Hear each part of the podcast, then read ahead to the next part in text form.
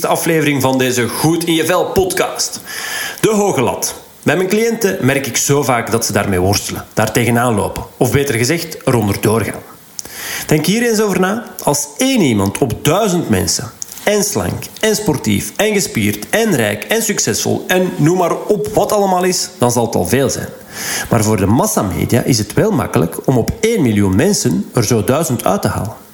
Vroeger, in de beginjaren, liet men op de VTM bijvoorbeeld de Miss de programma's aan elkaar praten en presenteren. Op zich niets mis mee, begrijp me niet verkeerd. Maar mede daardoor gingen we hun uiterlijk als de standaard zien. Daarbij komen nog eens de sociale media en hun algoritmes. Die zorgen ervoor dat als je eenmaal iets hebt bekeken, hebt opgezocht of hebt geliked, je ze daar alsmaar meer van laten zien. De misleiding van de media. Hoeveel mensen dat ik afgelopen jaren al begeleid heb om terug een positiever zelfbeeld te krijgen. En leren houden van zichzelf met al hun perfecte imperfecties. Maar dat is niet evident hoor. Beseffen dat je niet per se supermager of strak moet zijn. Dat je niet per se ondernemer moet zijn. Of rijk, wat je neemt. Dat je dat niet per se moet willen zijn. Gewoon jezelf kunnen en durven zijn. Volgens mij zit daar voor een groot stuk echte rijkdom. In deze aflevering interview ik Morgan Gielen. Zij is fotografe en start een tijd terug met het concept No Babes. Hiermee probeert ze taboes te doorbreken en terug meer te focussen op de schoonheid van imperfectie. Toen ik hoorde van dit concept, heb ik haar direct gecontacteerd met de vraag om haar te mogen interviewen. En gelukkig zei ze ja. Omdat ik alleen maar de gedachten die zij probeert te verspreiden onder de mensheid kan ondersteunen, ben ik heel blij dat ik haar mocht interviewen. Dus ik zou zeggen, voor nu gun jezelf een momentje. Neem even de tijd om dit interview te beluisteren en laat je inspireren door Morgan Gielen. Goed, uh, Morgan. In eerste instantie een dikke merci dat ik u uh, mag interviewen, dat je even tijd voor mij wilt uh, vrijmaken. Met veel plezier. Ik start zoals uh, bij iedereen met, de, met mijn klassieke vraag. Even vooruitspoelen om te kunnen terugkijken. Stel, mm -hmm. jij ligt op je sterfbed. Hopelijk mag je dat moment nog lang wegblijven. Maar welke dingen wil jij je dan vooral kunnen herinneren? Dat is eigenlijk een super moeilijke vraag. Um, sowieso wil ik misschien wel mensen hebben geholpen als ik op mijn sterfbed lig met de foto's die ik over de jaren heen heb gemaakt. Um, en ik zou ook heel graag um, tot een punt zijn gekomen. Ik ben heel holistisch aangelegd. Dus ik ben altijd op zoek naar waarom dat ik op deze planeet rondloop en wat mijn doelen zijn om te realiseren. En dat zal leuk zijn als ik op mijn sterrenbed lig mm-hmm. en weet dat ik toch een deeltje van mijn uh, levensdoel heb vervuld als ik daar lig. Ik weet niet of dat een super vaag antwoord is op uw vraag, maar het is het antwoord. Nee, nee, oké, okay, zeker vast. Oké, okay, um, voor degene die jou... Want ik ga daar zometeen nog wel wat verder op ingaan, op, uh, op hetgeen wat je net, net zei. Maar voor degene die jou niet zouden kennen, uh, wie is Morgan Gielen? Um, wel, ik um, ben 26 jaar op dit moment. Ik woon op een boerderijtje in Erpskorps, dus ik ben een echte farmgirl. Al zou je dat misschien niet zeggen als je mij zo ziet zitten. Um, ik ben mode- en lifestyle-fotograaf en ik werk voor klanten zoals uh, de Flair, de Feeling, Cadon, dus meer zo magazinegericht. En daarnaast ben ik ook een project gestart genaamd No Babes, een dik jaar geleden. Dat draait rond het in vraag stellen van schoonheidsidealen en taboes die leven in onze huidige maatschappij. Eigenlijk moeilijke thema's bespreekbaar maken. En dat is eigenlijk wel ja, over dat jaar heen vrij groot geworden. Want het is blijkbaar iets waar mensen nood aan hebben, omdat er ja, heel veel um, oppervlakkigheid zit, um, dankzij sociale media of de media die ons gewoon een ideaalbeeld oplegt waar wij gewoon niet aan kunnen voldoen. Bijna niemand, of zelfs niemand gewoon. Um, en het is ook mijn eerste fotoboek in de maak en mijn eerste expositie in de maak.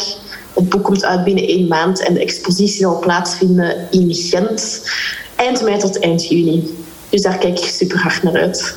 Oké, geweldig. En, en even uh, de, de, de, realiteit van, van vandaag, corona-gewijs, een expositie. Heb jij er goed, een goed oog in? We zijn nu uh, eind februari, want het kan zijn dat de mensen dit binnen een jaar pas beluisteren. Dus eind februari 2021. Uh, hoe, hoe, zie je dat? Komt, ben jij gewoon een positief denker en denk je het komt wel goed? Of heb je er... Ja, het is lastig, hè, want je kunt niet, nog niet zeggen van ja, we gaan zoveel mensen mogen uitnodigen. Maar het is de bedoeling om sowieso heel de expositie coronaproof te maken. Dat is ook een must voor als je iets organiseert. Dus we gaan werken met timeslots. Uh, moesten de workshops of de lezingen niet kunnen doorgaan, dan gaan we dat gewoon digitaal laten doorgaan. Dus um, is er geen optie om mensen naar daar te brengen in groepen, dan doen we het gewoon online of in timeslots. Dus uh, we proberen het zo coronaproof mogelijk te maken. En, uh, toch nog iets leuk van te maken op die manier. Ja, oké. Okay. Uh, je zegt we. Ben je, is het dan ondertussen um, iets dat, dat van nogal een team is geworden, dat, dat breder is geworden dan alleen Morgan Gelen? Of? Ja, goed opgemerkt. Ik heb inderdaad over dat jaar heen heel veel mensen ontmoet die zich ook heel hard vonden in mijn visie van No Babes. En die zijn er allemaal eigenlijk vrijwillig mee ingestapt. Dus ik heb nu gewoon ja, bepaalde experten die zeggen van Morgan, wij werken gewoon vrijwillig met u samen omdat we geloven in de visie. En uh, ik heb ook andere mensen die nog stage lopen als evenementcoördinator bijvoorbeeld. Die zeggen van ik wil gewoon in uw team zitten en we maken er iets cool van. Dus op dit moment heb ik twee vaste teamleden voor de expositie te organiseren. Sam en Elina. Dus dat is, dat is ja, ik kan mijn polletjes kussen daarvoor. Dat is de max. Ja, dankbaar zijn. Het is, uh, het is een mooi gegeven.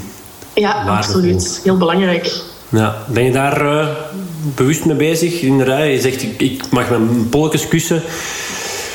Ben je daar uh, bewust mee bezig? Met, dankbaarheid tonen? Ja, absoluut. Ik probeer elke dag dingen op te schrijven waar ik dankbaar voor ben. Gewoon om te beseffen van uh, het leven is misschien niet altijd zo zwaar dan dat ik het in mijn hoofd zou kunnen maken. Ook gewoon de positieve dingen op te merken. Um, want ik heb het gevoel gehad dat ik zo'n paar jaar op automatische piloot leefde. Ook omdat ik vroeger in een depressie zat. En dan verlies je zo precies de grip op dat de realiteit niet zo zwaar is dan dat ik het zelf voor mij maakte. Dus nu probeer ik elke dag zo drie dingen op te schrijven waar ik dankbaar voor ben. En ik hang dat dan boven mijn bureau. En uh, dat helpt wel om positiever in het leven te staan op termijn. Ja, zeker en vast. Dat is ook echt effectief bewezen. Hè? Om uh, bijvoorbeeld, uh, maakt niet uit, morgens of s avonds uh, even drie simpele kleine dingen te noteren waar je dankbaar voor bent. Ja. Um, en, um, Absoluut om even concreet, want het, ik zeg het, het kunnen vaak kleine dingen zijn. Om, om een inkijk te geven, ik weet niet of je het met ons wilt delen. Bijvoorbeeld, wat heb je gisteravond, uh, als je het gisteravond hebt opgeschreven, uh, kan je daar zo een inkijk in geven? Um, wat dat zo bijvoorbeeld kan zijn? Ja, dat kunnen hele kleine dingen zijn. Hè, van ik ben dankbaar voor uh, de leuke training dat ik heb gedaan in de volle zon, dat ik die vitamintjes heb kunnen opnemen. Ik ben dankbaar voor de lunch, de verse lunch dat ik heb gekregen met avocado en besjes. Maar het kan ook zijn van ik ben dankbaar dat ik die klant op mijn pad heb gekregen en dat ik daarvoor mag werken. Dus het kan zo groot of zo klein zijn dan dat je zelf wilt. Gewoon, ik heb een leuk moment beleefd met mijn lief of zo. Die heeft mij een dikke knuffel gegeven waar ik heel hard van heb genoten, bijvoorbeeld. Dat schrijf ik dan ook soms op. Ja. Geweldig, leuk. En ik denk voor de luisteraars ook echt een hele goede tip om daar uh, mee aan de slag te gaan. Want we zijn nogal als mens nogal snel geneigd om het negatieve te zien en uh, hetgeen wat we niet hebben. En uh, ja, dus ja, goed, uh, goed idee. Zeg, je geeft aan uh, op je sterfbed, je zou willen kunnen terugkijken naar het feit dat je mensen hebt kunnen helpen met jouw fotografie. Mm-hmm. Is dat dan een stukje, oké, okay, die no-babes-beweging, uh, kan ik het zo noemen, is dat dan, dat, dat is daarvan een uiting waarschijnlijk, maar uh, hoe komt dat, waarom mensen helpen, is dat, van waar komt dat? Dat is eigenlijk iets dat ik al heel mijn leven in mezelf heb zitten. In de zin van, ik was, als ik wat jonger was, nu nog altijd waarschijnlijk zo'n beetje een tomboy-type. Ik doe al heel mijn leven gevechtsport. Um, en toen ik jonger was, had ik nogal veel zelfvertrouwen. En ik gebruikte dat dan ook om op te komen voor gepeste kinderen. Dus als ik iemand zag pesten, dan kwam ik daar echt tussen. Ik zou dat misschien nu minder durven, maar toen was dat nog geen probleem. Mm. Um, en dat is fijn, want zo tien jaar later ben ik dan eens iemand tegengekomen en die heeft echt gezegd van dank je Morgan dat je dat toen voor mij hebt gedaan. Dat heeft echt mijn leven veranderd op dat moment. Allee, dat, dat, is een moment dat ik nooit meer ga vergeten. Dat was de enigste keer, maar dat was zo'n impactvolle boodschap dat ik op dat moment kreeg. Want dus dat rechtvaardigheidsgevoel zit er heel hard in. En dat trekt zich eigenlijk door um, via mijn fotografie, wat ik nog niet lang doorhad dat dat ook mijn missie was op fotografievlak om mensen te helpen. Want ik zat meer in de modefotografie bezig voordat ik met NoBabe startte. Van NoBabes ben ik eigenlijk gestart uit een zoektocht naar eigen zelfacceptatie. Um, maar anderzijds ook om verhalen te vertellen en een platform te bieden aan mensen die het gevoel hebben dat ze alleen staan. Want ik fotografeer mensen die chronische ziektes hebben. Ik fotografeer mensen die een zelfmoordpoging hebben gedaan. Mensen op het LGBTQIA spectrum. Die maatschappelijk niet aanvaard worden omdat ze niet binnen de hokjes passen bijvoorbeeld. En ik had zoiets van... Ik kan toch niet alleen zijn met mijn verhalen, mijn gevoelens. Andere mensen moeten dat misschien ook wel hebben. En ik ben zo eigenlijk heel snel in contact gekomen met heel veel mensen die zoiets hadden van... Ik zoek echt wel die groep mensen waarmee ik kan babbelen en mijn verhaal kan delen zonder veroordeeld te worden. Want ja, het is gewoon in de huidige maatschappij je dingen die moeilijk bespreekbaar zijn en dan wordt er ook gewoon totaal niet over gesproken, omdat mensen ook niet weten hoe ze ermee om moeten gaan. Dus ik zoiets van laten we gewoon een platform creëren waar dat wel allemaal kan. Ja. Maar ik merk wel dat ja, ik, ik fotografeerde mensen in lingerie en soms zelfs naakt. Dat was in eerste instantie totaal niet de bedoeling, omdat ik modefotograaf ben. Ik hou van kledij en, fashion designs. Maar er was dus op één punt iemand die zei van... Ik wil mijn kleren wel uitdoen. En ik was zoiets van, cool, ja, doe maar. En dat kwam zoveel puurder en kwetsbaarder over. Dus ik heb gewoon die trend verder gezet. Uh, maar ik ben sowieso tegen de seksualisering van lichamen. Dus ik, ik bescherm die grens wel heel hard tussen... Ik wil niet dat je te sexy gaat poseren of zo, daar gaat het niet om. Um, maar dat is een mooie wisselwerking, want zij bestempelen het als iets therapeutisch om eindelijk eens een verhaal te vertellen. Maar voor mij is dat ook iets therapeutisch, want zij helpen mij in mijn zoektocht naar zelfacceptatie. Dus dat is een heel leuke, leuke uitwisseling. Ja.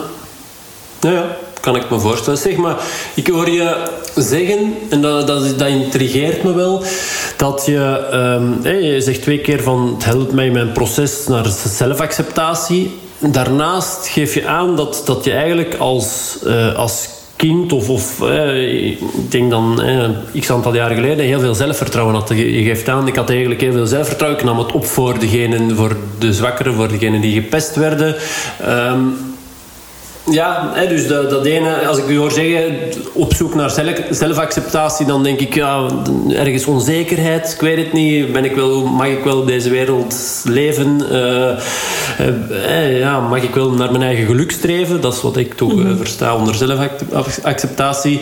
En langs de andere kant hoor ik u zeggen, ja, ik had eigenlijk heel veel zelfvertrouwen, dus kan je daar iets over zeggen? Uh, ja, dat, dat, dat werkt elkaar inderdaad een beetje tegen als je het zo vergelijkt. Ja, zelfvertrouwen was misschien het, het, foute woord, maar daar durfde ik nog misschien net iets meer mijn waarheid uitspreken dan dat ik de afgelopen jaren heb gedaan. Ik heb ook wel een shift gemerkt um, op het moment dat ik in een eerste relatie stapte.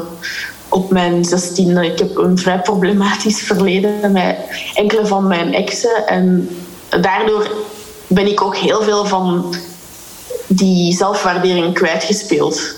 Maar anderzijds weet ik dat de thematiek van een minderwaardigheidscomplex hebben ook gewoon in de familie zit. Uh, mijn ouders hebben dat, mijn grootouders hebben dat. Ik geloof daar ook in dat dat kan worden doorgegeven. Ik kan ook niet anders, want je doet dat denk ik onbewust als ouders. Um, dus dat is wel een thematiek waar ik al heel mijn leven mee struggle. Maar dat uit zich misschien op bepaalde leeftijden of momenten meer dan op andere momenten. Ja.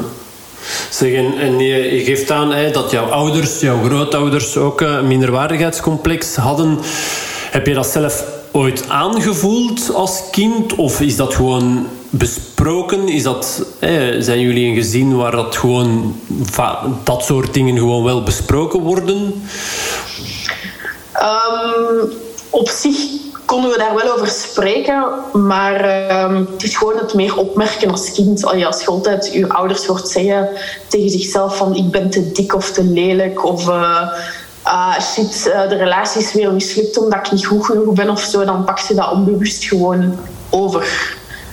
Um, dat zit er bij veel mensen in mijn familie wel diep in en ik heb gemerkt dat ik dat gewoon overgenomen heb. En het is ook gewoon mijn doel in het leven, denk ik, om ja, daarin te groeien, te evolueren en ook te durven zeggen van kijk, um, ik ben goed zoals ik ben, ik heb mijn eigen waarheid, ik mag dat ook uitspreken en ik respecteer de andere mensen ook een andere waarheid hebben. Gewoon in mijn eigen kracht te komen staan, denk ik dan. Ja, dus jouw eigen waarheid gaat het dan ook een stuk over jouw waarden en normen, jouw, ja, wat dat jij belangrijk vindt en daarvoor durven opkomen. Um... Ja, inderdaad, want ik merk dat ik zo'n een heel harde people pleaser kan zijn. En dat ik zo um, misschien mijn mening net niet verkondig als ik voel dat de groep daartegen zou zijn of zo. Allee, voor zo'n dingen ben ik nu ook in coaching om ook gewoon te zeggen van kijk, los van wat anderen denken, jij hebt ook recht op, op uw mening en de waarheid. En ik merk ook dat door no-babes zoeken de mensen ook naar een gezicht achter het project. En voor mij is dat uitdagend, want ik druk mij uit in foto's en in, in ja, andere creatieve uh, uitspattingen. En woorden, dat is wat moeilijker voor mij. Maar niks is toeval, ik geloof daar, ik geloof daar heel hard in. Het daagt mij uit om ook op die manier te evolueren en mijn emoties te kunnen uiten. Dus ik vind dat wel mooi dat dat op mijn pad komt. Dit soort. Dit dingen uitgenodigd worden voor een podcast en uw verhaal toch te doen. Bijvoorbeeld, ja. ja. Beetje stress op voorhand, maar dat loopt wel los. Ja, ondertussen, we zijn bijna een kwartiertje ver. Is het eh, oké met met, met de zenuwen? En ja. Absoluut. Ja, ik ben een open boek. Je kunt mij alles vragen. Hè, dus, uh, dat is zalig. Geweldig. Met stressen. Nee, um, dus, dus ja, hè, zelfacceptatie. Accepteren dat je bestaat en dat je uh, recht hebt op om deze planeet te leven en dat je naar je eigen geluk mocht streven. En daar straks zei je ook effectief van als ik op mijn sterfbed lig, zou ik graag um, voor mezelf hebben bepaald van waarom ben ik op deze planeet? Dat gaf je aan, dat is iets, een zoek. Ja, dat klinkt voor sommigen waarschijnlijk super vaag. Hmm. maar ik, ben, uh, ik volg heel veel cursussen over uh, kwantumfysica en, en um, ja, ik geloof ook in reïncarnatie en zo. Dat je, dat je een ziel hebt die misschien meerdere levens kan meegaan. En dat je tot een bepaald punt van bewustzijn moet komen voordat je zegt van ik heb mijn doel hier bereikt in dit leven of andere levens. Um, dus het is heel hard terug proberen luisteren naar je lichaam is dat we heel hard hebben afgeleerd in, in deze maatschappij, vind ik. Zoals jij zelf ook aangeeft, het gaat niet alleen maar om het fysieke, het gaat ook om het mentale, het spirituele, het emotionele.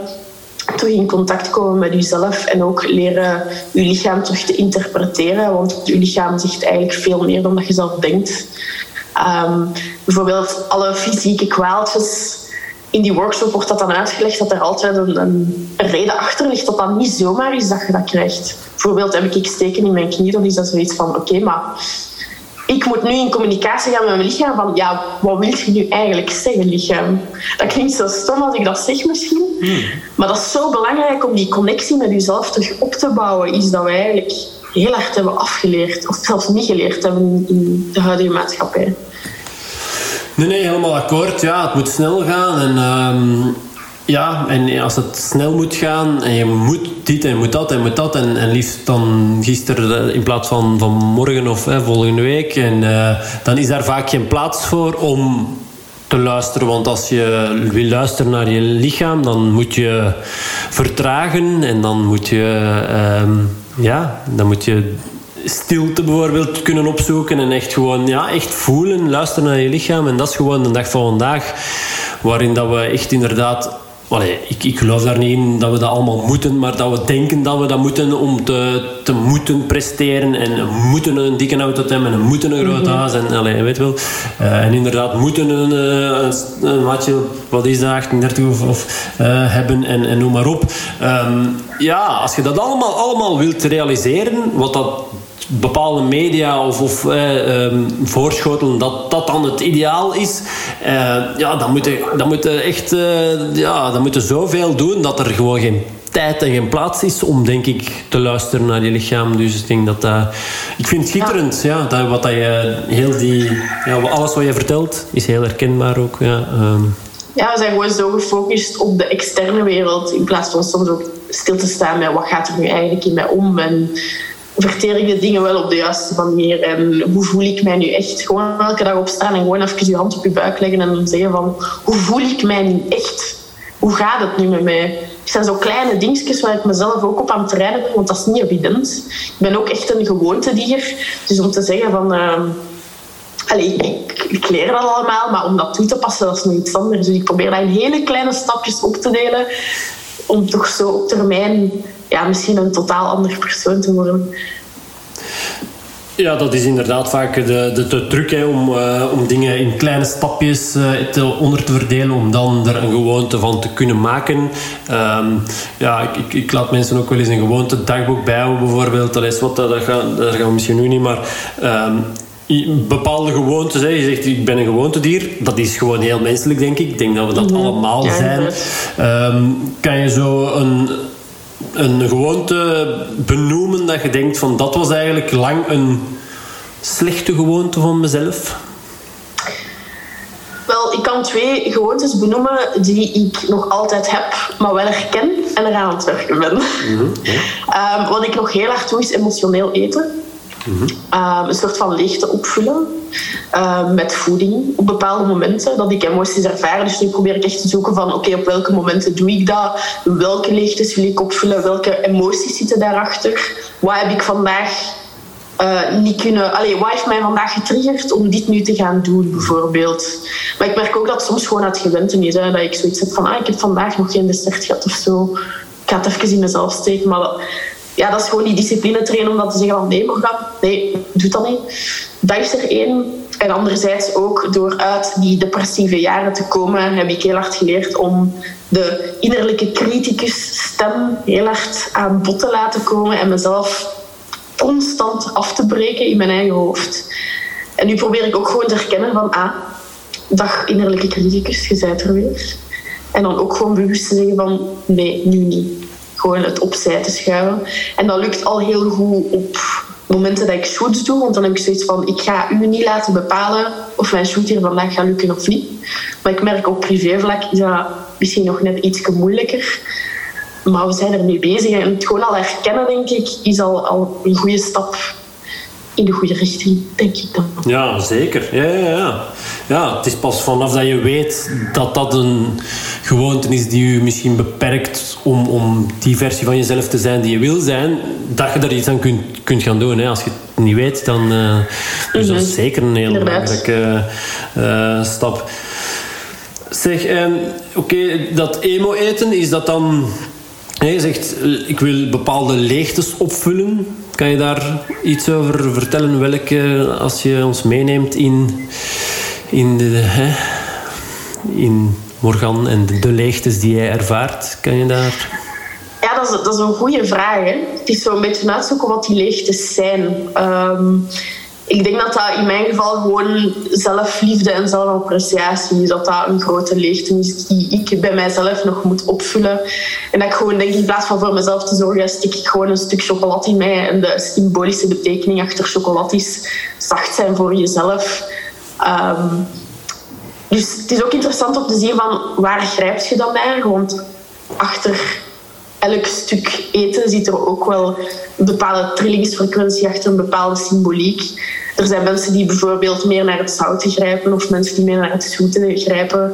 En soms is de verklaring erachter niet zo ver te zoeken. Want toen ik hoorde van, ah ja, je eet veel chocolade, dat betekent aan de hand van die ingrediënten en die trillingsfrequentie dat erin zit, dat je eigenlijk gewoon op zoek bent naar die zoetheid, die zachtheid voor jezelf. En ik had zoiets van, ja, is zo simpel dan. Oké, okay, ja, het klopt wel. Het klopt wel. Ik ga altijd naar chocola toe. Mm-hmm. um, en dat komt zo terug in verschillende aspecten van mijn leven. Dat iedereen altijd zegt van, je moet leren zacht zijn voor jezelf.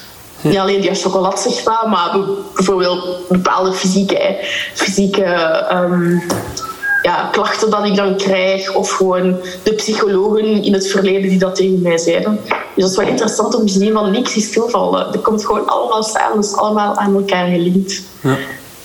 Interessant inderdaad. Um, om dan op dat punt, op, op een gegeven moment op een punt te komen, dat je dat inderdaad voelt samenkomen. Dat je dan ineens kan niet zeggen het licht zien, maar dat je dat ineens, dan voelt dat denk ik ineens van, ah ja, ja, hè, dat iemand dat dan zo zegt tegen u, eigenlijk, ja, dan valt het uw frank ineens, of uw, euro ineens, uh, ja, dat is waardevol, denk ik. Ja, inderdaad. En ehm, ja, het is interessant om daarmee bezig te zijn, want op, op termijn begint je het leven dan gewoon een beetje als een schouwspel te zien. Van het leven die u altijd herhalingen toont van dingen dat je nog moet leren. Al is dat de personen dat je tegenkomt, of in, in de goede of slechte dingen dat er gebeuren. Ehm, ja, ik geloof daar heel hard in dat, dat er herhalingen zijn in dingen dat je misschien nog niet geleerd hebt. Het spiegelen eigenlijk. Ja. Maar ik moet zeggen, als ik Chinees aan het praten ben... Nee, nee, nee. nee, nee. Voor mij is het uh, heel herkenbaar. Dingen ook waar ik gewoon zelf mee bezig ben, met, met mijn cliënten ook uh, over babbel. Uh, met, allee, maar ook gewoon met mijn vrienden en, en mijn vrouw en, en noem maar op. Dus jawel, zeker en vast. Voor mij is het geen Chinees. Ik, ik kan niet voor de luisteraar zijn rekening spreken, maar ik, ik denk dat het heel heel interessant is en waardevol wat dat je allemaal meegeeft. Nee, nee zeker, zeker en vast. Uh, Oké, dan is het goed. Ja, ja, ja. Nee, nee. Uh, je moet je niet inhouden, zou ik zeggen. Zeker en vast niet. Zeg, je zegt zacht zijn voor jezelf. Waar komt dan die, die hardheid? Heb je daar al meer inkijk in? Waar dat die hardheid voor jezelf, de hard zijn, waar dat, dat vandaan komt? Um, ja, dat, dat, is er al heel mijn leven dat ik uh, een enorme perfectionist ben. Uh, ik op heel hoog niveau wil presteren. Um, dat ik heel streng ben als iets niet lukt. Bijvoorbeeld als kind was ik op hoog niveau bezig met um, uh, muziek, piano, zang, viool. Um, en dan heb ik een paar audities gedaan, dat altijd goed ging. En dan heb ik één auditie gedaan voor, ik denk dat Eurostok voor Kids was. En ik was bij de laatste 15 jaar maar zo net niet op tv ik ben zo net afgevallen daarvoor. En dat heeft zo een diepe impact op mij gehad dat ik eigenlijk een jaar later gewoon prom ben gestopt met muziek maken. Um, omdat ik mezelf zo aan het opfritten was van uh, je bent niet goed genoeg en waarom is dat niet gelukt? En nu kan ik dat relativeren, wat toen nog niet. En eigenlijk daarna pas ben ik in de fotografie gerold. Maar daar ook, ik was dan begonnen aan de hogeschool, Sint-Lucas, fotografie. En na zes maanden ben ik uh, opgenomen in het ziekenhuis met een heel zware vorm van klierkoorts en burn-out. Um, omdat ik de druk op mezelf gewoon zo hoog legde. Oké, er is competitie in, in de kunst. Dat weten de mensen die erin zitten. De, de leerkrachten hebben vaak in favorietjes en je moet jezelf heel hard bewijzen.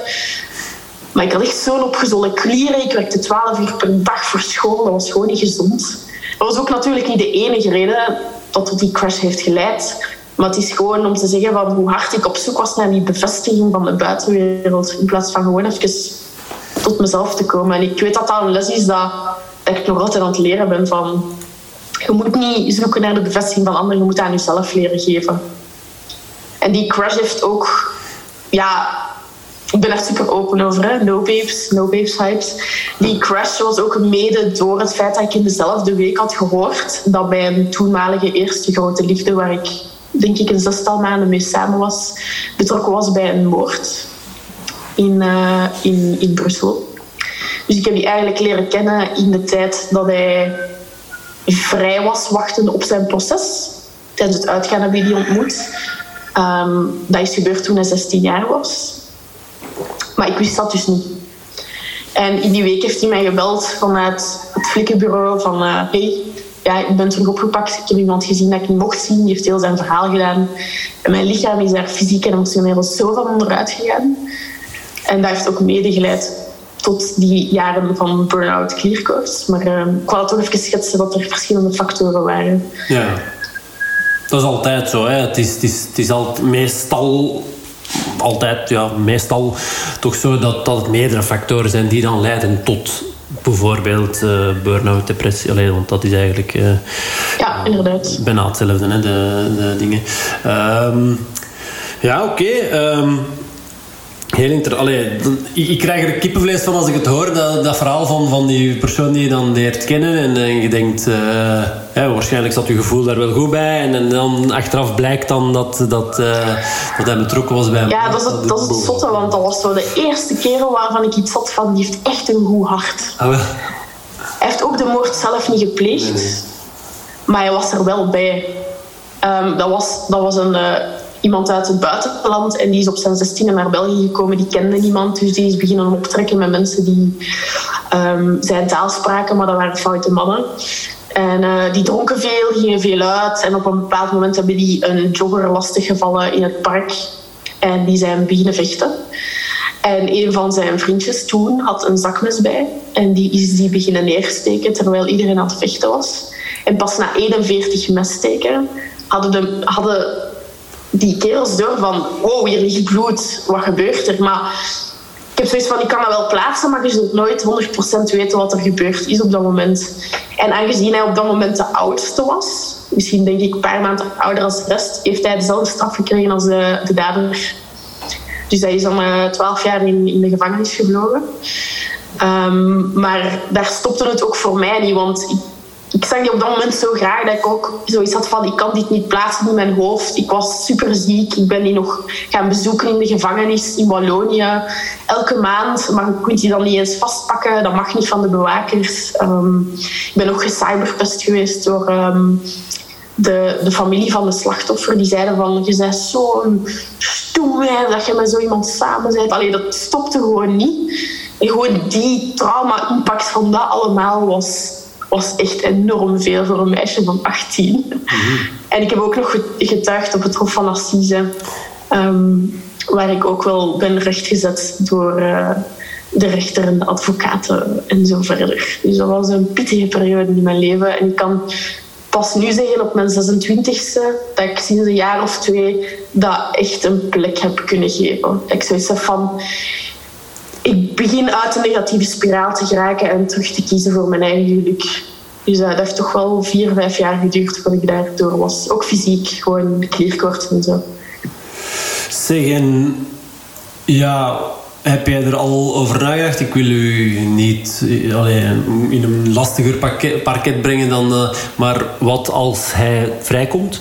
Heb je daarover nagedacht?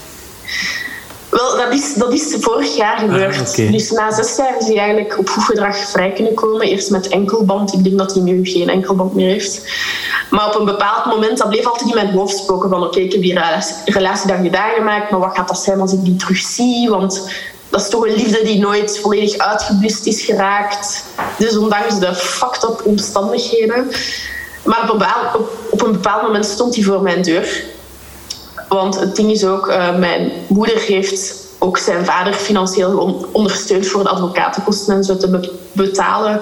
En um, voor dat terug te betalen werkte hij dan ook bij ons thuis. Maar dat was nog moeilijk, want ik zag altijd zijn vader, wat eigenlijk mijn ex is. Dus ik ben heel kwaad geweest op mijn moeder om mij dat aan te doen. Ik kan dat nu ook allemaal plaatsen. Ze wou gewoon mensen helpen. En dat zijn heel goede mensen. Um, maar op een bepaald moment stond hij dus voor mijn deur. Ik had op dat moment mijn huidige vriend. We waren nog niet super lang samen. Maar dat ging eigenlijk beter dan dat ik al die jaren had geanticipeerd. Ik zag hem en ik had zoiets van: nee, het is, het is Sander, mijn vriend nu. Het is duidelijk. Ik val niet meer op hetzelfde type. Ik heb het een plaats kunnen geven. En dat heeft mij enorm veel rust gegeven om echt 100% te gaan voor de relatie die ik nu heb. Maar die heeft mij heel, heel lang tegengehouden in alle relaties die ik had daarbij. Ja, begrijp ik. En het is, nou, ja, het is heel logisch. Hè, ja. Als je een bepaald hoofdstuk niet volledig hebt kunnen afsluiten, is, is het moeilijk om aan een, eh, aan een nieuw hoofdstuk uh, te, te beginnen. Hè. Vaak. Ja, inderdaad. Het zal altijd een zwakke plek zijn dat ik heb voor hem, maar ik heb duidelijk in mijn hoofd kunnen zeggen van nee, dat is het niet meer. Dat, dat is het echt niet meer. Ja. En dat is dan toch ook wel een, een moeilijke, hè, want hoofd, hart. Ja ja. toch ook nog wel uh, vaak een verschil. En, uh, maar ja, dus je zegt, ik heb het in mijn hoofd kunnen afsluiten. En in jouw hart, ja oké, okay, omdat dan Sander, jouw, jouw nieuwe vriend of jouw huidige vriend in jouw leven komt, dat helpt dan ongetwijfeld om het ook, ja, als je hart aan iemand anders geeft. Alleen, ja, maar ook gewoon voelen hoe het is om op de correcte manier behandeld te worden door iemand. Dus ondanks dat dat ook deed, maar gewoon door het feit dat ik niet wist wat er aan de hand was of gewoon wat er is gebeurd, is ja. van wat? Allee, wat? Hoe, kun je dat, hoe kun je daarmee omgaan? Dat is absurd. En, en, in deze relatie was het eerlijkheid, transparantie. Het was, het was heel dikke liefde en, en gewoon het grote verschil was duidelijk voor mij op het moment dat ik hem zag. Niet daarvoor, maar als ik hem zag, had ik zoiets van... Ja, dat is, dat is vijf jaar geleden dat is een Morgan van vijf jaar geleden. Daar zou ik toen opgevallen hebben, maar nu niet meer. Ik ben daar niet gegroeid. Ik heb jaren therapie gevolgd. Die allee, ik verdien gewoon beter. Ja. Punt. ja. Oké, okay, uh, zeg, wat je daarnet, je, je hebt uh, meegedaan aan, uh, vanuit de muziek. Je was bezig met muziek en Euro Eurosong voor Kids. Uh, net niet. Of net niet, alleen maar toch, ja, je zit in die selecties. Je, je leefde eigenlijk voor de muziek. Hè. Je, noemde daarnet, uh, je speelde viool en al. Dus, dus je was daar echt heel hard, uh, je bent perfectionistisch, dus je was daar heel hard mee bezig. Je bent dan door een tegenslag gestopt. Als je daar nu op terugkijkt en je zou weten wat je nu weet hoe zou je daar dan op mee zijn omgegaan met dat, die tegenslag en het feit dat je daar dan... Hè, die heeft er toen voor gezorgd dat je daarmee bent gestopt, maar nu ben je zoveel jaar later zoveel wijzer. Hoe zou je de Morgan van nu daarmee omgaan? Ja, ik, ik wou dat ik er toen was als mijn ouderen zelf om tegen dat kind te zeggen van relativeer het, schrijf het op, benoem je emoties en, en schrijf het neer, geef plaats. Maar laat dat niet uw droom tegenhouden om verder te gaan in de muziek. Want ik wou ook echt naar het Lemmens Instituut gaan. Maar anderzijds, ik ben nu op het pad gekomen dat ik nu ben. En, en ik geloof dat dat ook niet toevallig was. Maar ik mis wel de muziek maken, het muziek maken tot op deze dag. En tot op deze dag heb ik nog altijd een blokkage. Maar ik ben langzaamaan heb een paar zanglessen al teruggevolgd. En uh, ik probeer mezelf uit te dagen om toch één keer per maand even op mijn piano te tokkelen, bijvoorbeeld. Ehm, maar ik, ik voel dat dat wel een grote uitlaatklep is als introvert persoon om die emoties een plek te kunnen geven. Dus ik hoop wel dat ik dat op termijn terug oppik of zo. En wat houdt je dan tegen? Wat, wat, kan je dat benoemen? Wat dat dan... je probeert één keer per maand op de piano te tokkelen. Dan denk ik, hey, kom aan Morgan. Uh, waarom niet één keer per week? Ik weet het niet. Ja, dat is, dat is, dat is raar, hè? Hm. Dat ik daar zo op geblokkeerd ben. Um, maar dat lukt gewoon op dit moment nog niet. Dan is dat precies zo een... Uh, weer iets dat ik mezelf opleg om te doen weer uit die stem van je moet het doen, Morgan. En dat is ook weer dat perfectionisme. Je moet terug piano spelen. Ik heb zoiets van, kijk, ik hou het super vrijblijvend voor mezelf. Wil ik één keer per maand op mijn piano toekelen, dan doe ik dat zonder enige verplichting of verwachting. En als het dan mij al lukt, heb ik zoiets van, oké, dan ben ik al een stap in de goede richting. Ehm, maar ja, ik hoop op termijn natuurlijk dat er meer gaat worden. Want allee, muziek maken, dat is, je legt al je emotie daarin. En dat is alleen maar positief, denk ik, als je dat allemaal kunt lossen op een, op een creatieve manier. Ja, zeker. Ja, ik wens je toe dat, het, uh, dat je in de toekomst nog, um, nog mooie, leuke dingen kan doen in, in, uh, in het muziek maken en u, mm -hmm. uzelf daarin kunnen smijten. En, uh, en ik geloof daar ook wel in dat dat ooit zal komen. Dat, uh, dat voel ik precies ergens. Uh, uh, ja, als ik nu dit gesprek met jou voer, dat dat ooit ook nog wel zal komen. Als dat zo diep geworteld een passie is en iets waar je... Dan geloof ik daar wel in dat dat ooit... Ja, ik denk het ook. Allee, het zit echt in mij, het ritme en, en de muzikaliteit. En ik denk dat dat gewoon op een bepaald moment terug getriggerd zal worden. En, ik, ik, was begonnen met een bandje vorig jaar, daarmee dat ik die zanglessen terugpakte. Maar dan was er de drummer die heel, um, heel plots zei van nee, sorry man, het gaat niet snel genoeg voor mij. Maar die was ook al op professioneler niveau bezig en wij waren gewoon als hobbyisten bezig. Um, en dan is de groep eigenlijk heel abrupt uit elkaar gevallen. Maar toen voelde ik al van, ah, ik doe dat super graag, maar ik heb daar ook gewoon niet de tijd voor op deze moment om daar superveel energie in te steken. Dus dat was één keer per week een beetje jammen. Maar dat was voor sommige personen niet genoeg. En dan snap ik dat die willen verder gaan met personen die daar wel professioneler mee bezig zijn. En ja, misschien komen er nog opportuniteiten of maak ik ze zelf. Dat, zal ik nog wel zien in de toekomst, denk ik dan. Ja. Ja, ja, sowieso. Soms moet je ook gewoon uh, vertrouwen in het, en, allee, wat dat de toekomst brengt en het op je laten afkomen. Hè. Ja, bedoel, ja, uh, voilà. inderdaad. Uh, en ik vind het wel mooi dat je dan daarnaast toch ook nu een passie voor die fotografie hebt ontwikkeld. Ehm, maar goed, dat is misschien toch ook wel ehm, ook het kunnen uiten van jouw creativiteit.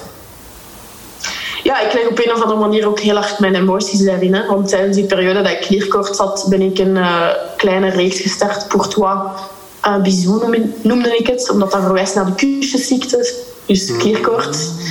En dat was gewoon met mij thuis in mijn mama haar kamer. Ik heb daar een doek op gehangen, omdat daar mooi licht binnen viel.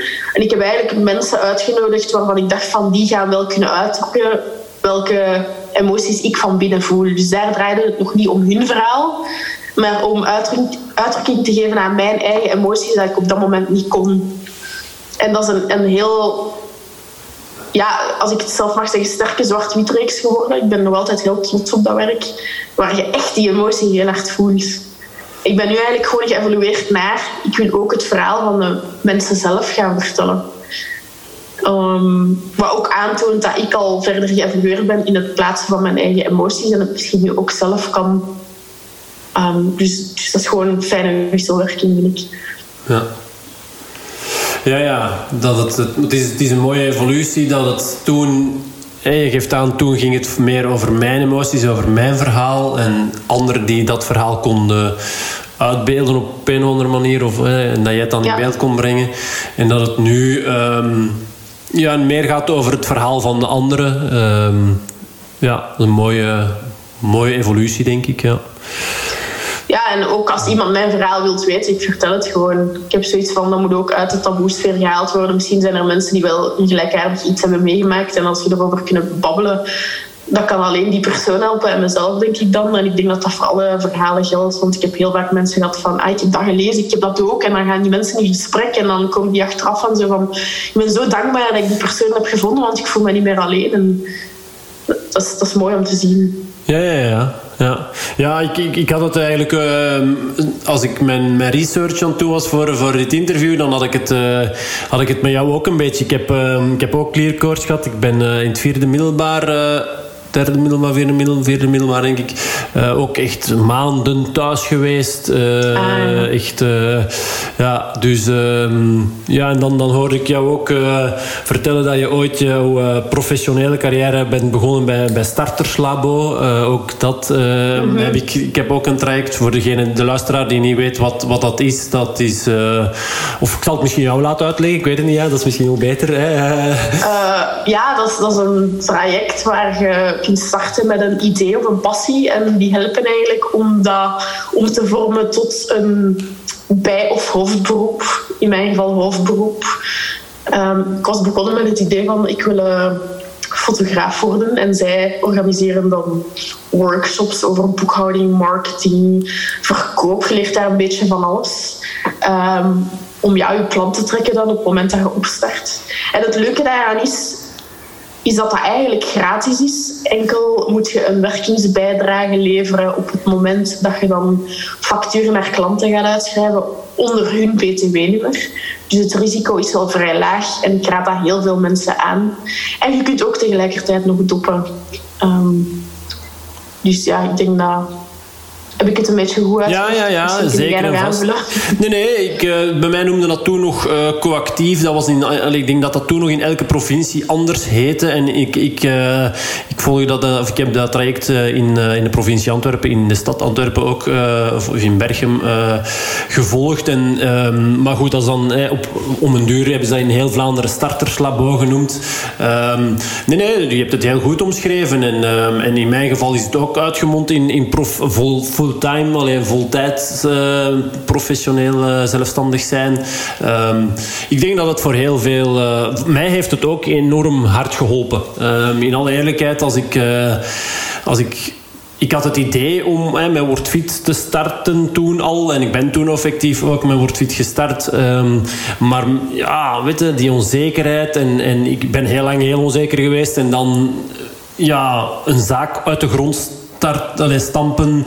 Um, en dat was, dat was ideaal. Dat was inderdaad... Um, ja, je, kunt, uh, je, behoudt je uitkering, je, werkla, je dop inderdaad, zoals jij het zegt, je werkloosheidsuitkering. En, dan, uh, en je, je wordt ondersteund. En je, ja, dus dat is...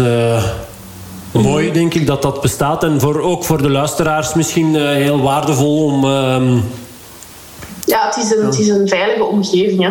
Je hebt eigenlijk anderhalf jaar lang om je te ontwikkelen. En daarna kun je nog beslissen van ga ik terug werken of start ik op met mijn eigen BTW-nummer. Ja. Je hebt maandelijks coaching, ook dat was toch bij mij het geval.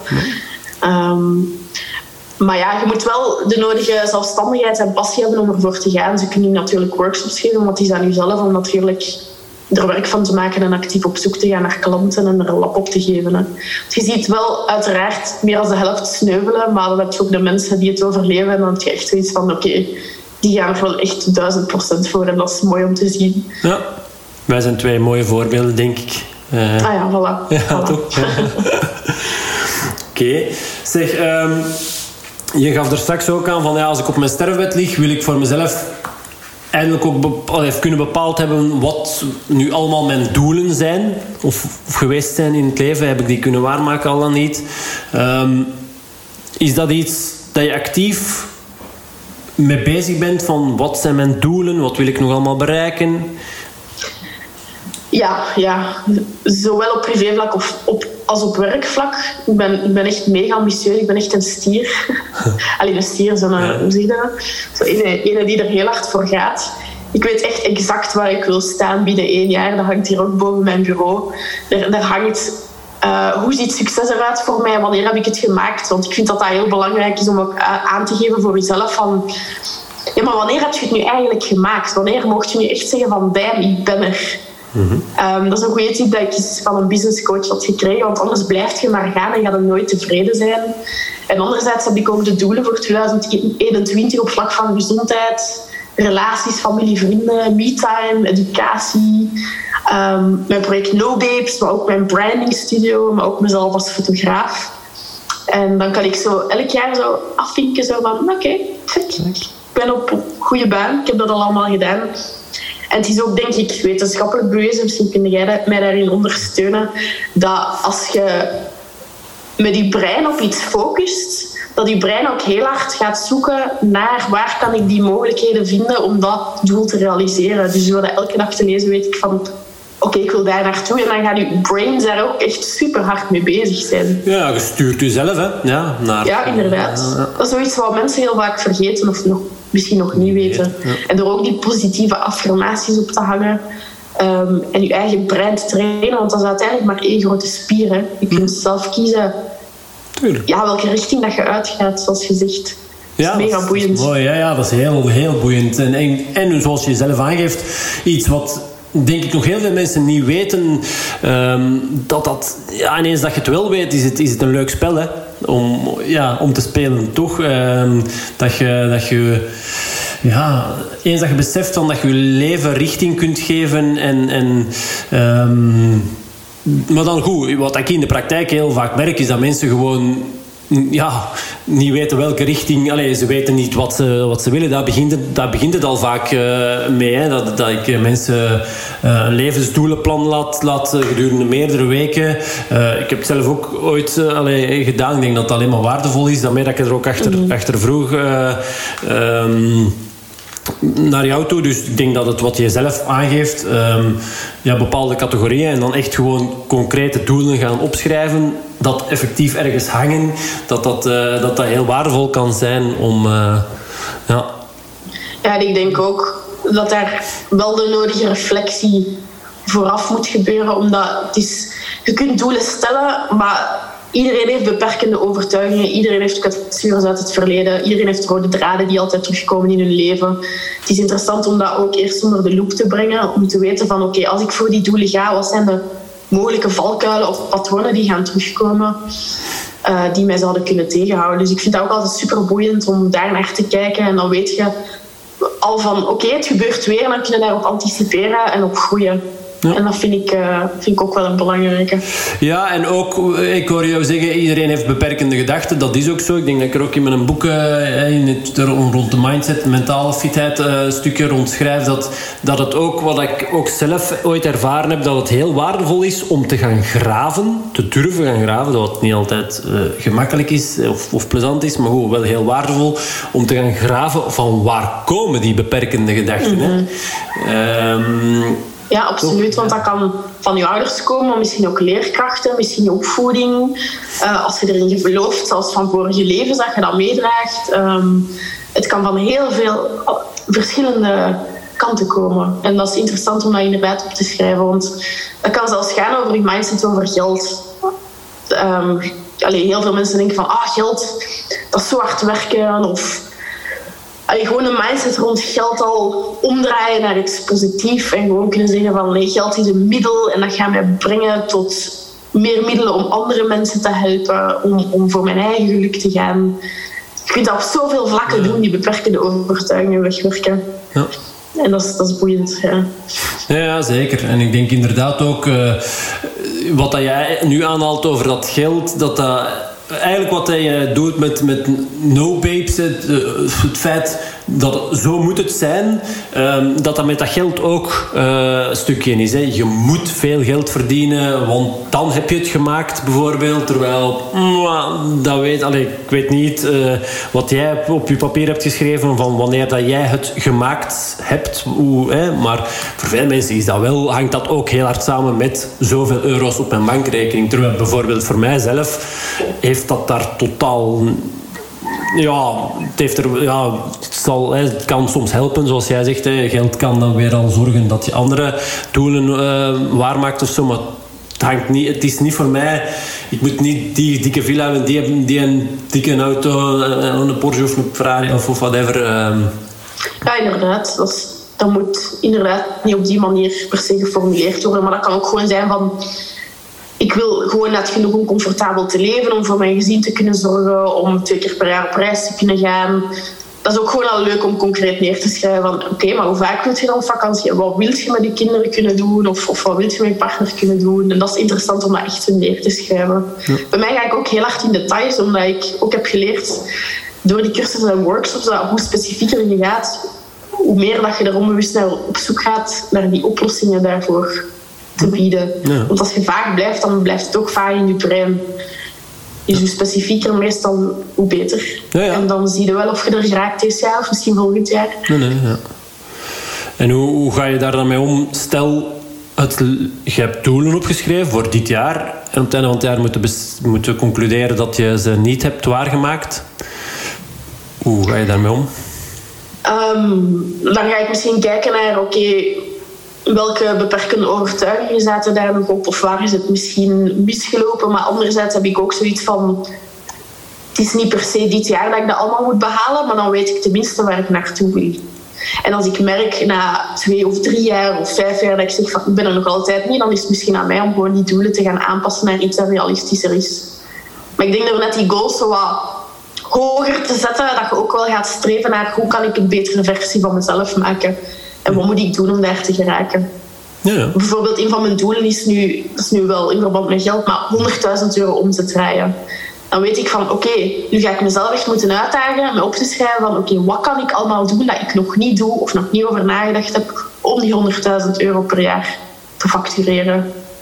Of ik wil bijvoorbeeld een zwarte band zijn voor mijn dertigste in Braziliaanse jiu-jitsu. Oké, hoeveel keer moet ik trainen? Ehm, waar moet ik misschien anders op letten? Misschien meer mindfulness gaan beoefenen of meer op mijn voeding gaan letten.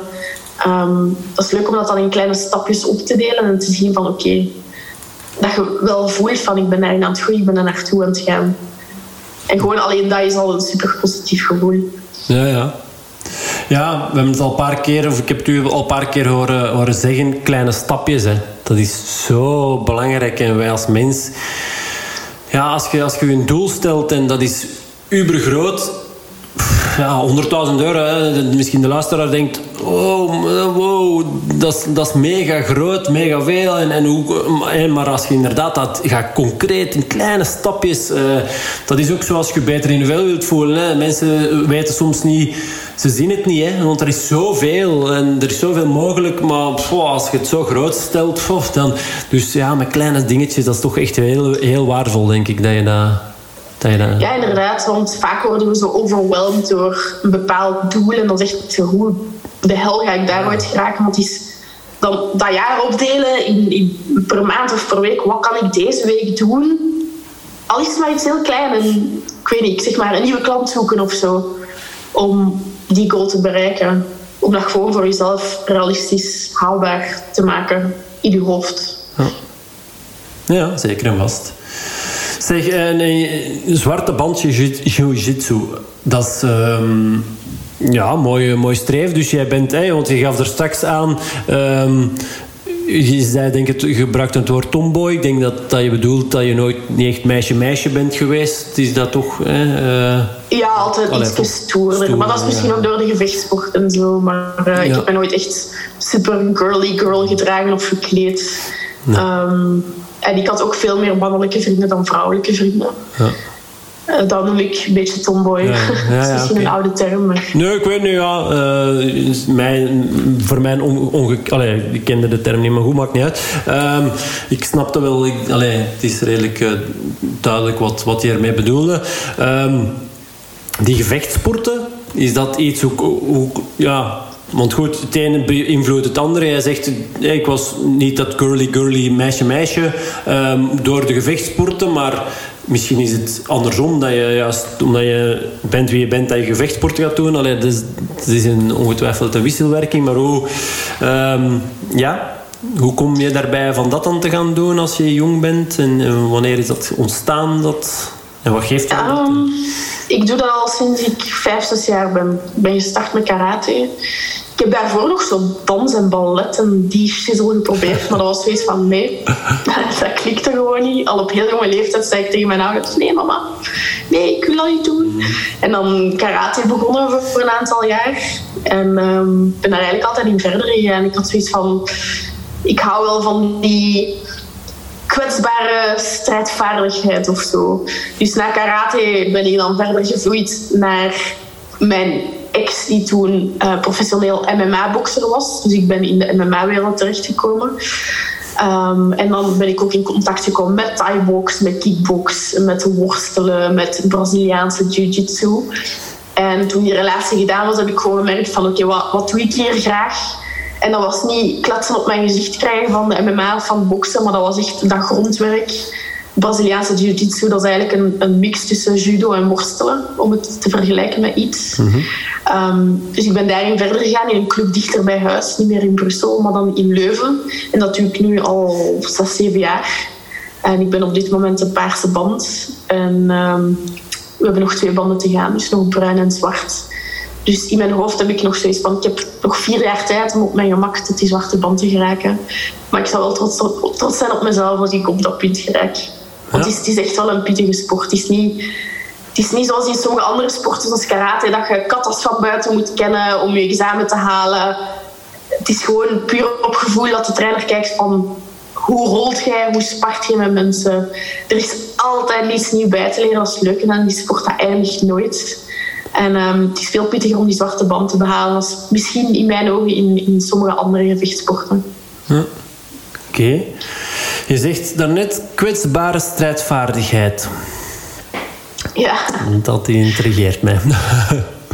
Dat, dat, is eigenlijk een term dat ik gebruik in mijn project No Babes. Zo, um, ik vind het heel strijdvaardig dat mensen durven voor die lens te staan, vaak in een blote bijvoorbeeld, maar toch een kwetsbaar verhaal durven vertellen. En um, voor mij trekt dat zich wel een beetje door in de gevechtsport ook. Want allee, in de gevechtsport heb je enerzijds heel veel discipline nodig en doorzetting. Maar anderzijds moet je ook... Ja, vaak gaat meditatie daarmee gepaard. Dat je ook, ook innerlijk heel sterk moet staan om, om zo'n sporten te kunnen beoefenen. En uh, dat is een mooie wisselwerking tussen, tussen beide werelden, vind ik. Ja, dus het, men, ook weer al, weer al het fysieke en het, en het mentale meer een stukje. Uh, ja, die, die meditatie, hoe. Um, hè, want we zijn nog altijd. Um, daar dat, ik, ik merk dat toch nog altijd. Ik heb ook eh, in mijn boek heb ik er een stuk over meditatie geschreven. Ook gewoon van eh, als mensen u wijs maken dat het meer is dan gewoon even in het nu zijn, dan gelooft ze niet, want dat, dat is het gewoon. Het is niet meer dan dat. Um, ik pak nu ook. Ehm, dat komt er nog aan. Uh, Steven Laurijs heeft een boek daarover geschreven. Het No Nonsense meditatieboek. Die mag ik ook interviewen voor deze podcast. Maar het leeft toch nog altijd zo als je bij veel mensen ermee afkomt, meditatie, wow, uh, bomen knuffelen en uh, allee, Ja, toch? Ja, toch? exact. Eh, dat, dat dat heel zweverig hoeft te zijn. Hoe pak jij dat concreet aan? Of, Ik heb gewoon al geleerd om niks te zeggen totdat mensen er echt achter vragen en in geïnteresseerd zijn. Ik ga mijn visie niet opdringen van het holistisch of spiritueel zijn, want er zijn inderdaad mensen die dat bestempelen als ja, je bent een hippie of je bent zweverig, terwijl dat eigenlijk absoluut niet is en heel wetenschappelijk onderbouwd is. Maar ik heb gewoon geleerd van als mensen het niet uit zichzelf vragen of erin geïnteresseerd zijn, is het gewoon voor hun op dat moment in hun leven nog niet aan de orde om daarmee aan de slag te gaan. Dus ik ga nooit mijn visie opdringen over dingen. Alleen als ze erachter vragen en dan wil ik gerust mijn visie daarover delen en willen ze meer weten, dan, dan vertel ik gerust meer informatie. Maar je ziet dat iedereen op een ander level zit qua bewustzijnsontwikkeling. Sommige mensen zijn al verder, sommige mensen wat minder. Ehm, dus ja, hangt af van persoon tot persoon wat dan ik deel daarover. Zeg, en, en- maar ik vraag het u nu, en ik ben heel geïnteresseerd. Ehm, hè, ehm, over de meditatie, hoe pak je dat? Wat zie jij als jouw meditatiemomentje? Eh, hoe helpt het jou in, in jouw sport concreet dan? Wat, wat doe je eh, om te mediteren? Wel, ik moet zeggen dat ik ben er nog niet super lang mee bezig, omdat het heel pittig is voor mezelf om die stemmen in mijn hoofd stil te krijgen. Maar als ik iets doe, dan is het meestal s'avonds dat ik in mijn bed lig. En net zo van die apps dat je kunt downloaden, ehm, waar je, je begeleid ehm, meditatie kunt doen. En daar wordt je ook aangeleerd om heel bewust met je ademhaling om te gaan. Ik denk dat wij allemaal niet stilstaan bij hoe verkeerd dat wij ademen. En dat we al, als we al meer uit de buik zouden ademhalen, dat al heel veel verschil zou maken op, op heel veel aspecten in ons leven, van stressniveau tot zelfs negatieve emoties te kunnen elimineren. En ook gewoon in de sport is dat heel belangrijk. Mijn trainer zegt dat ook altijd, let op je ademhaling. Adem diep, adem rustig. Ehm, als je die hoge borstademhaling hebt, dan dat, dat werkt gewoon in je sport. Dan zet je volledig vast. Dan haalt je stressniveau zodanig omhoog en je presteert gewoon niet op dezelfde manier. Niet alleen in voor- sport, denk ik, hè, ook gewoon in het leven, denk ik dat dat niet werkt. Nee, inderdaad. Dus voor een wedstrijd of voor bij krol probeer ik tussendoor even gewoon mijn ogen te sluiten en naar die diepe buikademhaling toe te gaan. In hoeverre mij dat al lukt. En ehm, dan af en toe een keer een meditatie thuis opzetten. Al is het maar één liedje dat je zegt van ik ga gewoon mij proberen focussen op mij en, en mijn stemmen in mijn hoofd stil te krijgen. Ja. Dat doet al zoveel deugd om gewoon even niks te moeten doen. Ja, zeker. Als ik je dan één goede tip kan geven, eh, zo'n muziek kan, kan wel om zo wat een, een muziekje eh, op de achtergrond of, of in je oren op te zetten, kan zeker wel helpen. Maar ik denk dat het de makkelijkste methode is om ehm, te tellen. Jouw, jouw ademhaling, hoe lang je in- en uitademt, om dat te tellen. Dan kan Ja, je aan niks anders denken. Je kunt niet en in je hoofd tot vier tellen als je inademt bijvoorbeeld. En ook nog denken, oh, waarom heb ik de afwasmachine nog niet uitgeladen? Of oh, die mail moet ik morgen nog sturen. Of, of zoveel gedachten die in je hoofd kunnen komen. Dus gewoon door jou neer te leggen en, en gewoon te tellen hoe lang je inademt en hoe lang je uitademt. En probeer langer uit te ademen dan dat je inademt. En that's it. En voor jezelf gewoon weten, oké, eh, ik, voor, voor mezelf bijvoorbeeld, ik probeer vier seconden in te ademen. Eh, Dus gewoon pauze te nemen. En dan, ik probeer daar 20 seconden uit te gaan. Dat, is- dat is best wel lang en dat is, dat is redelijk extreem. Ehm, maar goed, ik probeer ook gewoon bijna elke ochtend als ik ontwaak... eh, tussendoor, als ik in mijn auto zit... Allee, je kunt, ja, want heel mensen denken... Ja, want ik heb het al zo druk. Wanneer ga ik daar nog tijd voor vrijmaken? Maar dat kan niet zijn. Eigenlijk, eh, in het begin is het heel waardevol om je daar echt voor, voor neer te leggen. eh, op je buik of op je rug. En echt, als je op je buik ligt te voelen... dat je echt op een ballon komt te liggen. Dat je echt goed inderdaad naar je buik inademt. Als je op je rug ligt, dat je je handen... eh één hand op je navel, de andere hand nog meer richting je voeten toe. En echt probeert door die neus echt richting je onderste hand. Dus goed naar je buik in te ademen. En echt te tellen. Hè. Ehm, dat, dat is, ja, denk ik, de, de meest... eh, Ja, goede tip inderdaad. ja, de meest En wat ik ook wel graag doe, is als ik dan neerlig om echt mijn lichaam te gaan scannen. Je begint bij je voeten. Hoe voelt dat nu eigenlijk? Naar boven toe gaan. Hoe voelen mijn benen? Ehm, hoe voelt mijn buik, mijn maag? En dat je dan gewoon heel je lichaam ook even scant. En dat hoeft inderdaad niet lang te duren. Hè? Als je in het begin zegt van... het duurt mij echt niet langer dan vijf minuten. Dat is al keigoed als je vijf minuten volhoudt. Beter beginnen met dat dan niks. Ja. Die, dat hoeft echt geen uur te zijn. Dat voor mij is dat ook echt onmogelijk op dit moment. Nee, nee, maar ik wil daar wel naartoe gaan op een bepaald moment. Ja. Nee, nee, die bodyscan is ook effectief ehm, wetenschappelijk aangetoond dat dat ook gewoon werkt. En gewoon echt mhm. heel je lichaam uh, is, is even afgaan. Uh, omdat je dan ook weer al niet aan andere dingen kunt denken. Hè. En dan is het gewoon even... Maar, maar ik merk dat dat... Ja, misschien voor mezelf, maar toch ook mensen die ik in het verleden al begeleid heb... Dat het tellen dat dat nog laagdrempel, laagdrempeliger is dan, uh, dan een bodyscan. Misschien uh, gewoon echt uh, vier seconden of richting vier seconden. Want voor veel mensen is dat heel moeilijk hè, om vier seconden in te halen. Maar beginnen met twee seconden in, vier seconden uit. Dan ja, voilà. je drie seconden in, zes seconden uit. En dan het ultieme, wat, dat, wat dat ze in de literatuur slow breathing noemen. Vier seconden in, acht seconden uit.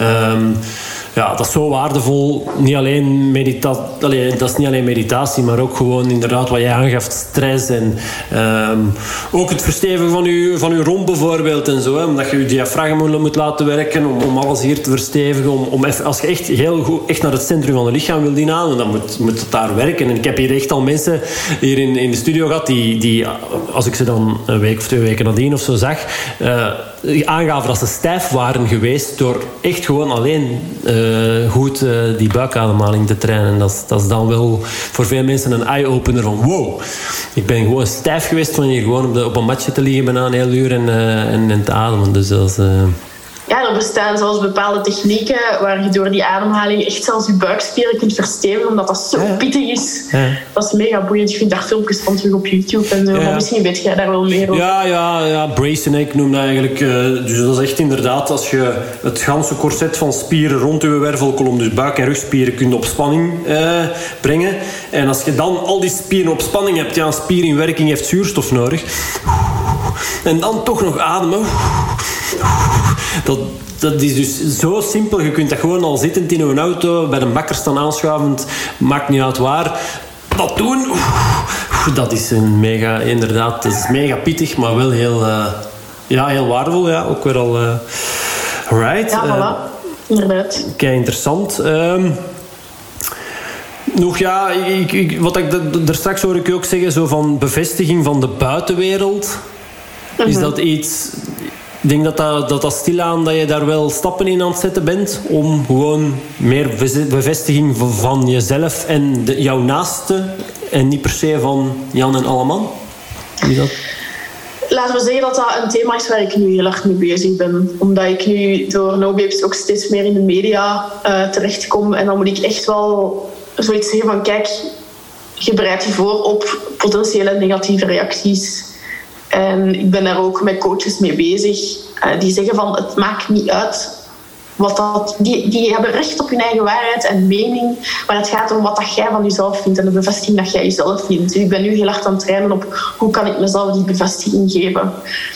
Um, dus als je het mij binnen een jaartje nog eens vraagt, ga ik er waarschijnlijk al verder in staan. Ja. Maar nu merk ik gewoon als hoogsensitief persoon hoe hard dat nog binnenkomt. Als, als, er, als bijvoorbeeld een klant niet tevreden is over een foto, als ik een negatieve reactie zie onder een van mijn foto's uh, op het model zelf of zo, dan komt dat op dit moment nog heel erg binnen. Maar dat is gewoon een kwestie van oefenen en relativeren en gewoon ja, altijd ook dichter bij mezelf komen en beseffen dat ik dat niet nodig heb, die bevestiging van anderen. En hoe train je dat dan? Want dat is voor de luisteraar denk ik wel heel herkenbaar en heel waardevol om, om daar inkijk in te hebben ja, hoe train ik dat? Ehm, vooral door te luisteren naar mijn coaches en het wetenschappelijke en spirituele erachter. En uh, dat dat ook allemaal spiegels zijn van iets dat je nog in jezelf moet ontwikkelen. Maar anderzijds ook door te trainen op uh, geweldloze communicatie. Dat vind ik ook een heel belangrijke. Als, als zaakvoerder zijn, ook gewoon um, misschien als mediafiguur zijnde. Alleen, ben dat nog niet, maar alleen, gewoon in het algemeen. Mhm. Um, dat je ook gewoon even als er een negatieve reactie komt, dat je dat kunt laten bezinken. En dat je dan ook getraind bent om daar op de correcte manier op te beantwoorden. Want je hebt daar op het internet heel sterke voorbeelden van, van zaakvoerders die een negatieve review krijgen en super hard in de aanval. Dat is niet waar en fuck dat. En je hebt dan ook ja, mensen die zeggen van oké, de basis achter geweldloze communicatie en zo is erkennen je wat de andere persoon wil zeggen. Dan zeggen ze van ik begrijp u, kunt je wat meer uitleggen van wat er is misgelopen. Dat je het eigenlijk op een heel andere manier benadert. Ja. Um, dus er zijn eigenlijk verschillende aspecten van ja. hoe dat je daarmee zou kunnen omgaan, denk ik. Ja. Right. Heel interessant allemaal. Um, ja, we zijn ondertussen toch al een, een uurtje uh, bezig. Dus um, stilletjes aan zullen we maar... Uh, want ik denk, ik heb het gevoel dat we nog heel lang zouden kunnen babbelen. Dat is heel interessant. En misschien moeten we het ooit nog eens, uh, nog eens overdoen. En kunnen we het... zeg nooit nooit. Um, is er iets wat ik jou niet gevraagd heb, maar dat jij zegt... Vrede hadden toch nog moeten vragen. Of dat zou ik nog graag meegeven of vertellen. Um, niet per se, maar misschien voor de mensen die geïnteresseerd zijn in mijn No Babes. Ja, ik wou juist zeggen, maak je inderdaad wat extra reclame. Ja, ja, dat mag zeker. Vol max. Maar um, No Babes, dat, dat bestaat eigenlijk op echt vrijwillige donaties en zo verder. Um, dus ik heb een crowdfunding gestart waar je nu al het boek kunt pre-orderen om centjes in te zamelen, mm. om de expositie te realiseren en mijn uitgeverij te betalen. Dus als er mensen geïnteresseerd zijn in het boek of tickets voor de expo of de merchandise dat we aanbieden, mm -hmm. je kan alles terugvinden op www.nobabes.be. Ja, en op uh, Instagram nobabes.official. Ja, ja, inderdaad, ja. inderdaad. En echt alle centjes gaan integraal in het gewoon break-even draaien van dit project. En hopelijk zoveel mogelijk mensen te helpen, want we willen ook op de expositie in themaweken werken um, rond chronische ziektes of uh, gender en diversiteit. En we willen daar ook altijd sprekers en workshops rond organiseren. En die centjes gebruiken wij daar dan ook voor. Dus um, ja, alles wat er binnenkomt, gaat ook weer integraal naar het project.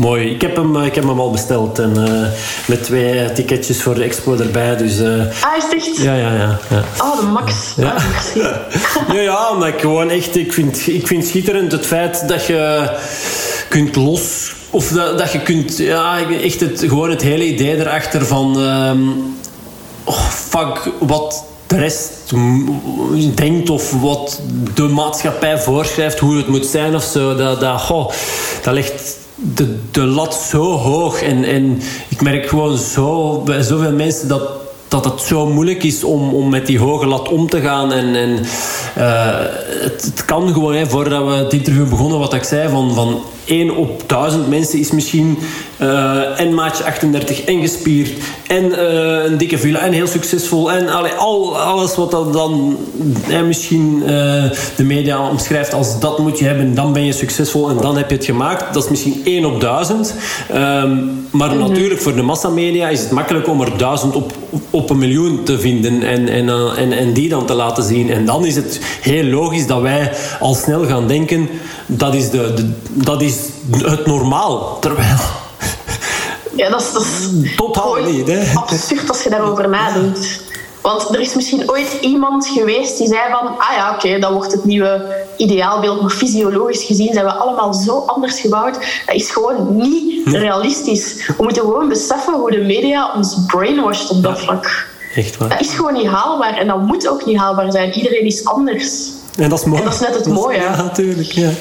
Ja, ja, zeker. Dat nee, nee, nee. Ik vind het echt uh, ik vind het schitterend wat je, wat je doet. En uh, uh, ja, ik draag er graag mijn steentje toe bij. Dus jawel, jawel. En ik, ik hoop dat ook de, de luisteraar, um, ja, ik zou zeggen, surf naar uh, nobabes.be of .com? Yes. Ja, .be.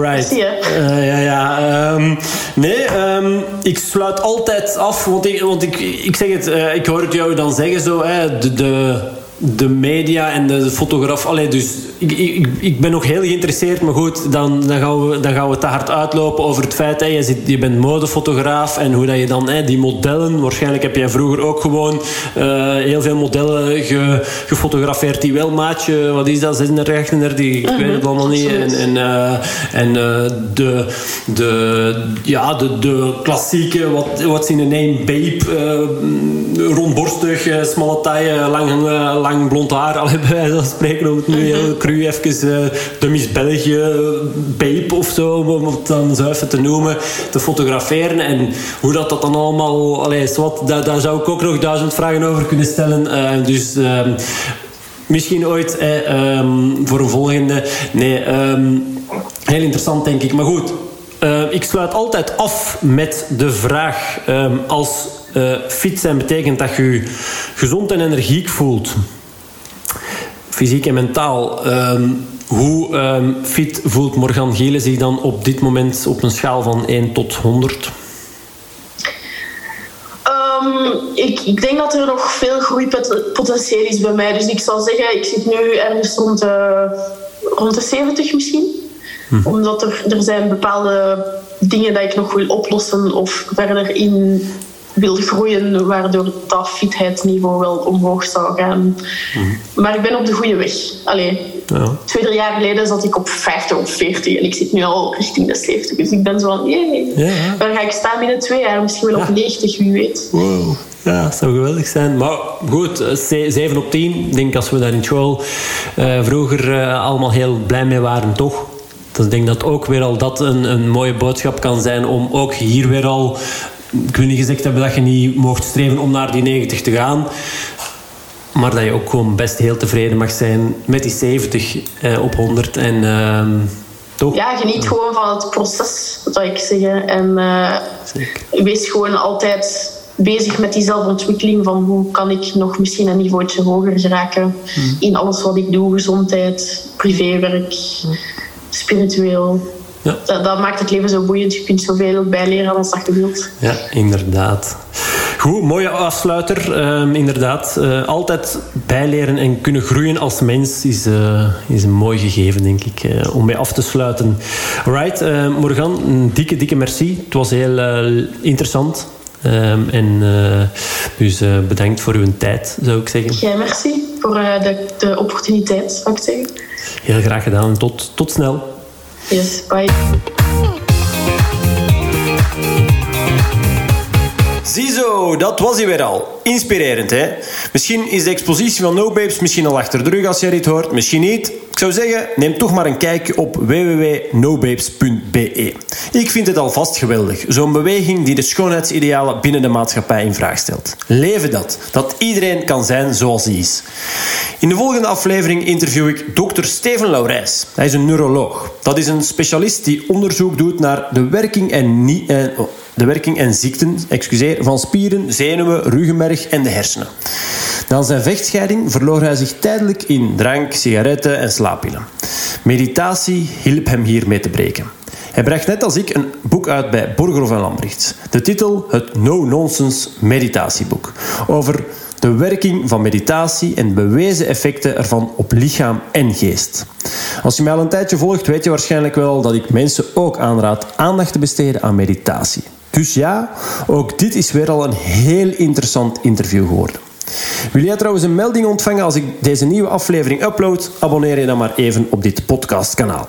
Ook delen met jouw kennissen en vrienden mag je trouwens altijd doen. Waarvoor een dikke, dikke merci. Op die manier draag jij je steentje bij om van deze wereld een plek te maken met meer mensen die zichzelf kunnen durven zijn. Die zich goed voelen in hun eigen vel. Dat is tenslotte waar ik het allemaal voor doe. Voor nu zou ik zeggen, bedankt om te luisteren. Vergeet vooral niet te genieten. En tot snel. Tot bij de volgende aflevering van deze Goed in je Vel podcast.